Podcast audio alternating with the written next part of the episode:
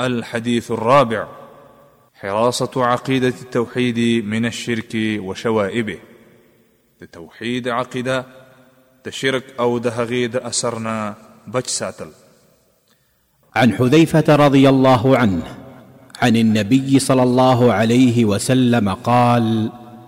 لا تقولوا ما شاء الله وشاء فلان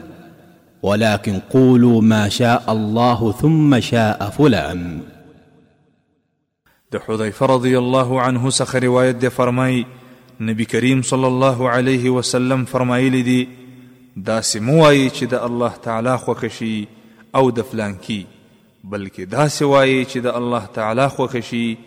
او بيا د فلانکي، يعني د الله تعالی سره څوک په مشيت او اراده کې مه شريکوئ، دا حدیث امام ابی داود په خپل سننو کی ذکر کړی او امام البانی رحمه الله ورته صحیح ویلی دی د دې حدیث راوی حذیفه ابن یمان رضی الله عنه جلیل القدر او بهادر صحابي دی او په ډیرو اسلامی فتوحاتو کی شریک شوی دی او د نبی کریم صلی الله علیه وسلم دراز ملګری او د خندق په غزا کې او همدارنګه په هغه غزاګانو کې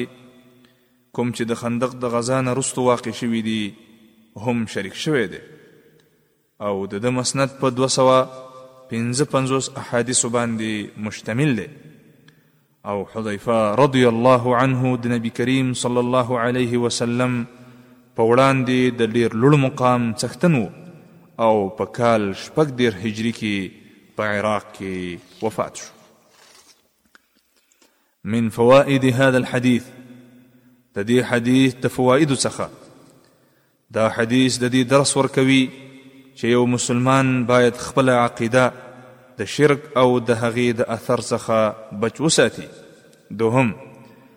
دا حدیث دا بیان کوي چې الله تعالی یوازې او بې حاجته دی او هیڅ قسم شریک نه لري نه په ذات کې شریک لري او نه په اسماء او نمونه کې شریک لري او نه په صفاتونو کې شریک لري او نه په حکم کې شریک لري بلکه یوازې دی او د ټول مخلوق پالنه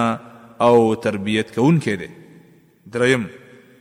دا حدیث مسلمان او مؤمن بنده ته ویره ورکوي چې هغه الفاظ استعمال نکړي کوم چې د الله تعالی د توحید خلاف او منافي وي